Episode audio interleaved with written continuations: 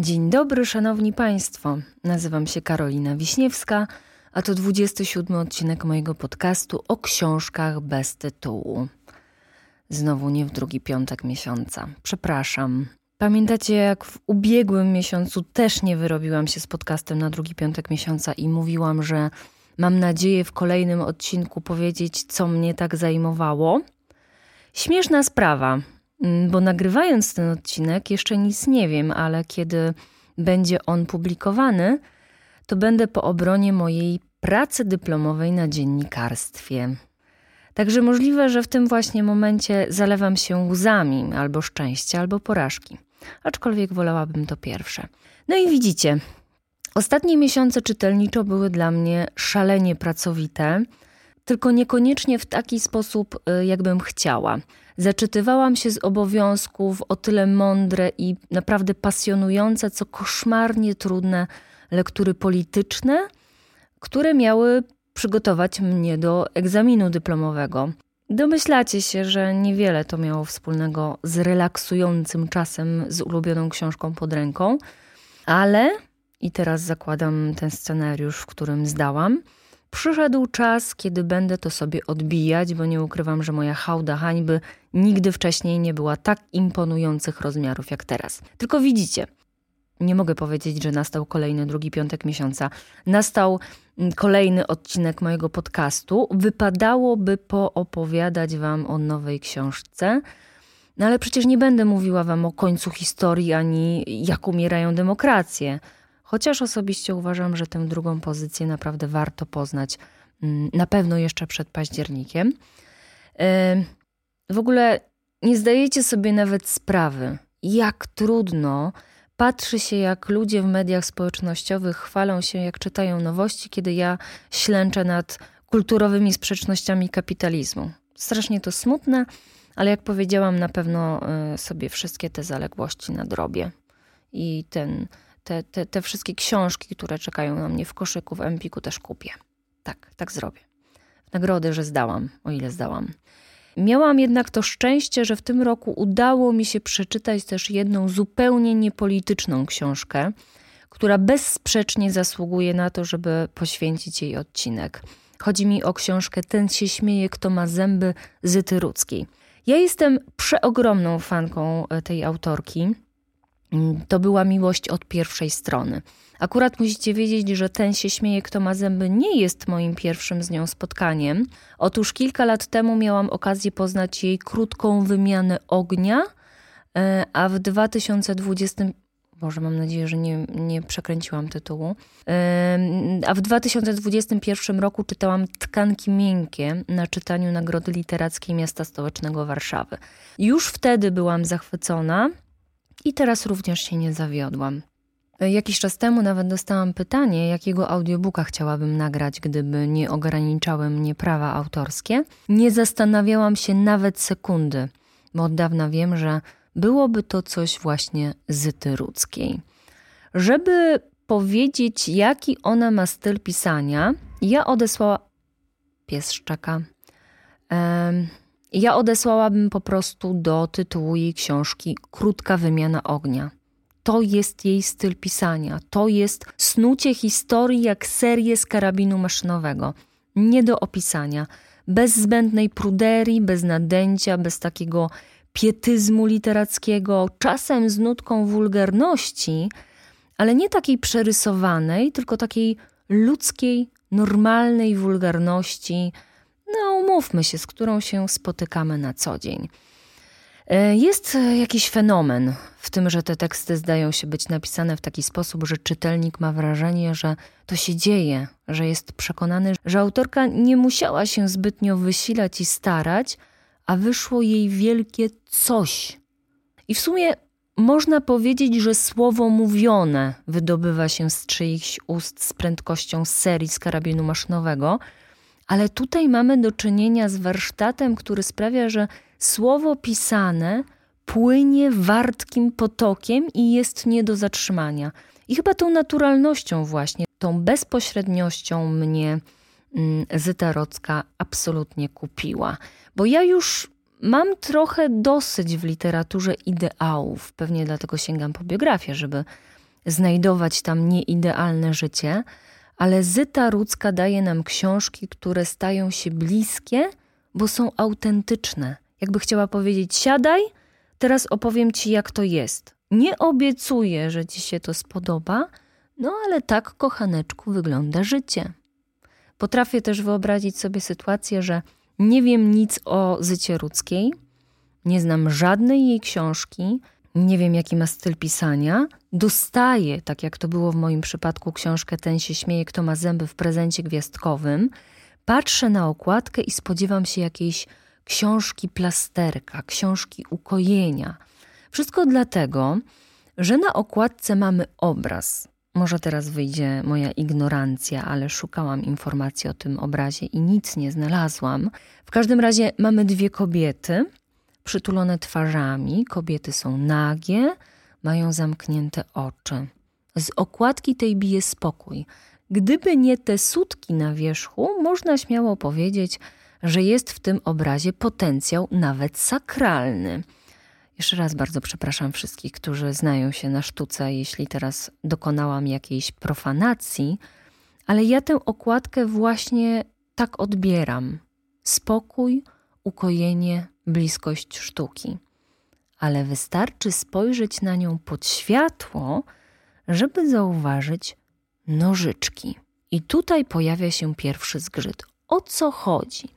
Niemniej jednak każdy wie, że wróżenie z okładki jakości czy nawet klimatu książki jest czasem jak zakupy w internecie. Kupujesz laleczkę Barbie, dostajesz laleczkę Chucky. Dlatego proponuję płynnie przejść do tego, co znajdziemy pomiędzy okładkami, a znajdziemy tam prawdziwe cuda. Na początku mamy trupa. Ale to nie trup w tej książce jest najważniejszy. Najważniejsze są buty. Mamy trupa, mamy wdowę, nie mamy butów. W ogóle niewiele mamy rzeczy, bo w trakcie pożycia małżeńskiego większość z nich została sprzedana przez zaradną żonę. W czasach świetności właścicielkę przedsiębiorstwa usługowego Vera Zakład Fryzjerski Męski. Mamy wytłumaczenie nożyczek na okładce.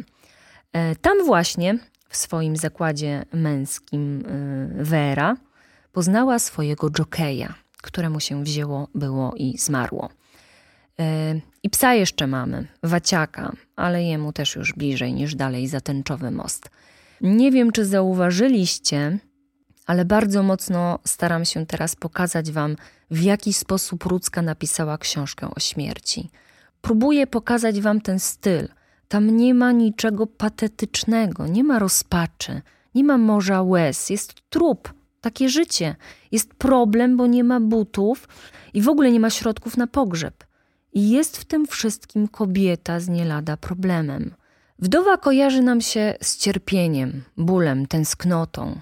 Wera nie jest typową wdową. Ba, ona nawet podkreśla, że nie wygląda na wdowę.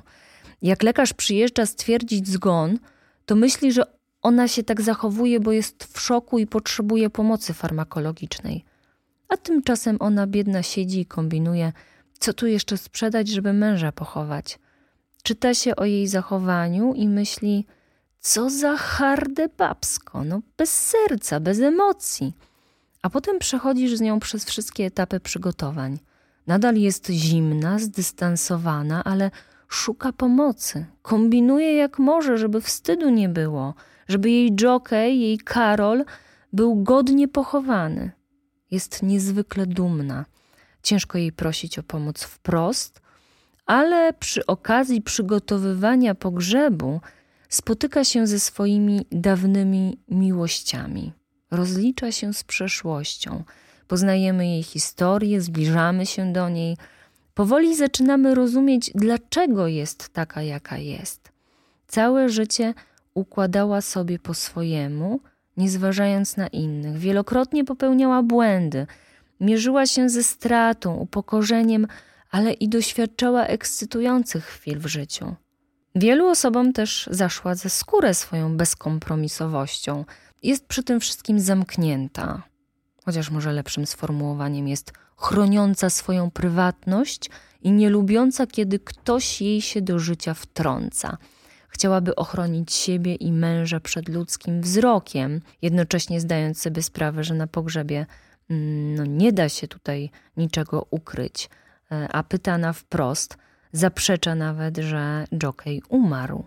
Jakby chciała to wszystko zachować dla siebie. Z drugiej strony mierzi cały czas ten jej dystans do zaistniałej sytuacji. Ja miałam ochotę potrząsnąć nią i powiedzieć: Halo, babo, mąż ci umarł. Ale z czasem zrozumiałam dużo więcej. Po pierwsze, mm, jak zawsze przy wielkich zmartwieniach, przypomniał mi się film Most Szpiegów, kiedy Tom Hanks pyta swojego klienta oskarżonego o szpiegostwo, czy się nie martwi. A on patrzy Hanksowi w oczy i mówi: A to coś zmieni? Czy rozpacz Wery by coś zmieniła? Przywróciłaby życie Jokejowi? Ona musiała pochować męża, nie miała nawet butów do trumny. No to może jednak lepiej byłoby potrząsnąć Werą i powiedzieć: Halo, możesz sobie pozwolić na rozpacz. Nie musisz być silną kobietą. Tylko ona właśnie nie mogła sobie na to pozwolić, bo nikt by za nią tego pogrzebu nie zorganizował, nikt nie wsparłby, nie wyręczył. Znam wiele silnych, niezależnych, zaradnych kobiet. Są cudowne, są podziwiane za swoją siłę, ale wiem, że chciałyby czasem nie musieć być silne. Chciałyby pozwolić sobie na słabość, ale nie mogą. W zasadzie żaden człowiek chyba nie chce żyć w ciągłym napięciu i przeświadczeniu, że musi, że nie może sobie pozwolić na słabość, a przecież to takie ludzkie, potrzebne, zdrowe.